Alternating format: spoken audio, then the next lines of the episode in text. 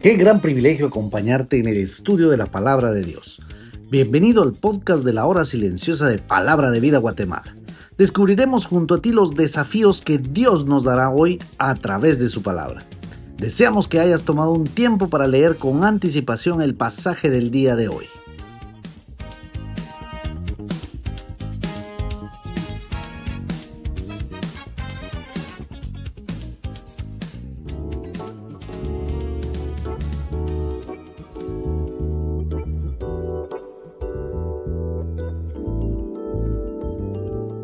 Hola, ¿cómo estás? Te saluda Daniel de la Rosa, misionero de Palabra de Vida.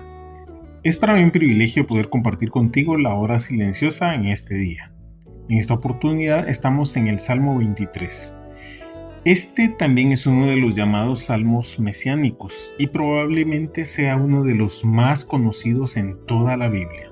Un pastor decía que si un cristiano no se lo sabe de memoria, es probable que no medite con frecuencia en la palabra de Dios. Este también es un salmo de David. Él lo escribe probablemente cuando ya era rey de Israel y es notable que el rey mismo no se avergonzara de su pasado como pastor de ovejas, pues en esa época era uno de los trabajos con menor prestigio. Cuidar ovejas era lo más bajo de cualquier trabajo se lo dejaban al menor de los hermanos, como le había pasado al mismo rey David. Pero le dejó profundas lecciones que le acompañarían toda su vida, pues al conocer muy de cerca a las ovejas se dio cuenta que tienen muchas similitudes con nosotros.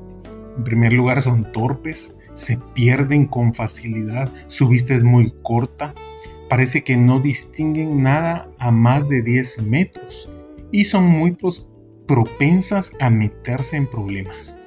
Es el único animal que no puede sobrevivir sin un pastor, pues no tienen armas defensivas, no saben cómo defenderse, son presas fáciles de cualquier depredador. Por eso es que en la naturaleza no existen rebaños de ovejas salvajes, necesitan de un pastor que las proteja. Así que veremos algunas enseñanzas en este salmo.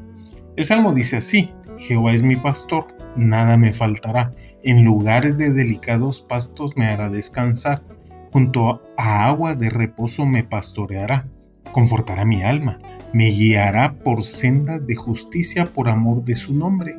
Aunque ande en valle de sombra de muerte, no temeré mal alguno, porque tú estarás conmigo. Tu vara y tu callado me infundirán aliento. Aderezas mesa delante de mí en presencia de mis angustiadores, unges mi cabeza con aceite, mi copa está rebosando. Ciertamente el bien y la misericordia me seguirán todos los días de mi vida, y en la casa de Jehová moraré por largos días.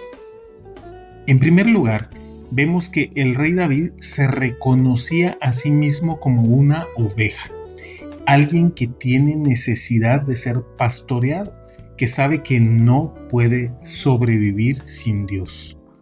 También hace este reconocimiento muy personal. La frase mi pastor nos indica una relación íntima de pertenencia. Entendía que tenía un dueño. Entendía que debía saber reconocer la voz de su pastor entre todas las demás voces.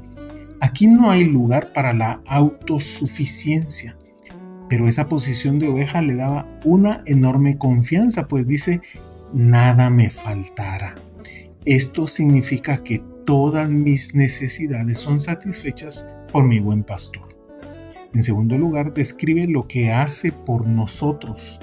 Me hará descansar. Solo el Señor sabe lo que necesitamos y cuándo debemos descansar.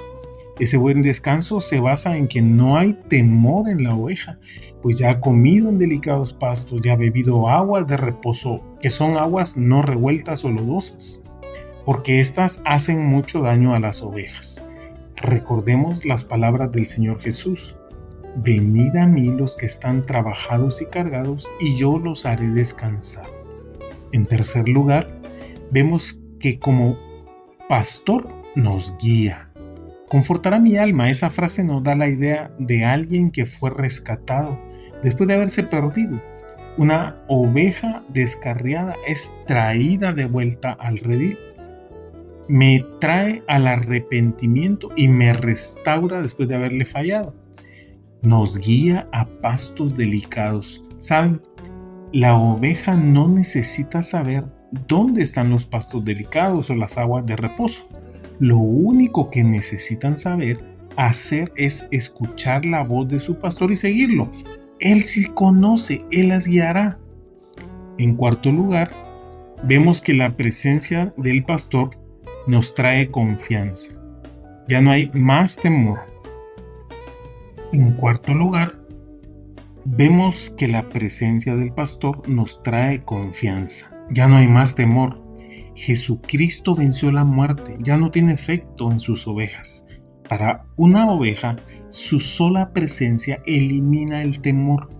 Sentir su callado y su vara infunde aliento, ánimo, porque te das cuenta que está allí, que no te ha quitado la vista de encima y está presto a defenderte y a rescatarte.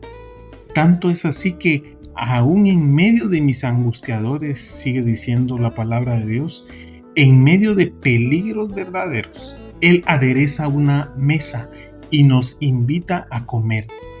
Imagínate que la paz que sobrepasa todo entendimiento ha llenado tu corazón. Solo así puedes sentarte a comer aunque estés rodeado de tus enemigos, porque Él te da esa seguridad. Termina diciéndonos que el bien y la misericordia nos seguirán todos los días de nuestra vida y en la casa de Jehová moraré por largos días. Por eso vívelo. Si tú puedes decir Jehová es mi pastor, asegúrate de poder escuchar también su voz. Asegúrate que en cada decisión que debas tomar estés siguiendo su dirección por tu seguridad, mantente lo más cerca posible del buen pastor. Que Dios te bendiga.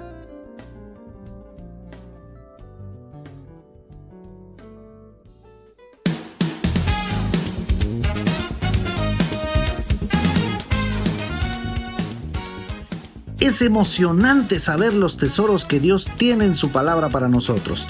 Ayuda a tus amigos a que descubran la voluntad de Dios para su vida. Comparte este podcast con ellos. No olvides seguirnos en nuestras redes sociales.